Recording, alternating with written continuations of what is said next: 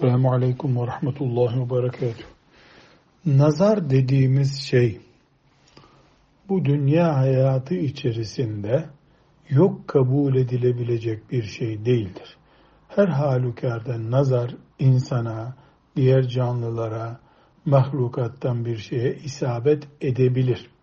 Ama bu nazar etme her böyle risk gördüğümüz şeyde hemen itham edilecek bir konu olarak ele alınmamalıdır.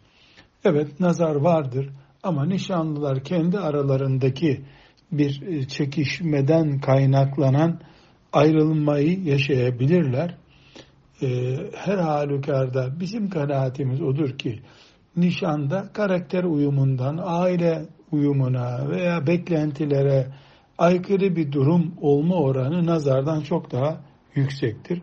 Allah'a sığınıp makul bir mantıkla yaşamayı tercih edelim. Selamun aleyküm.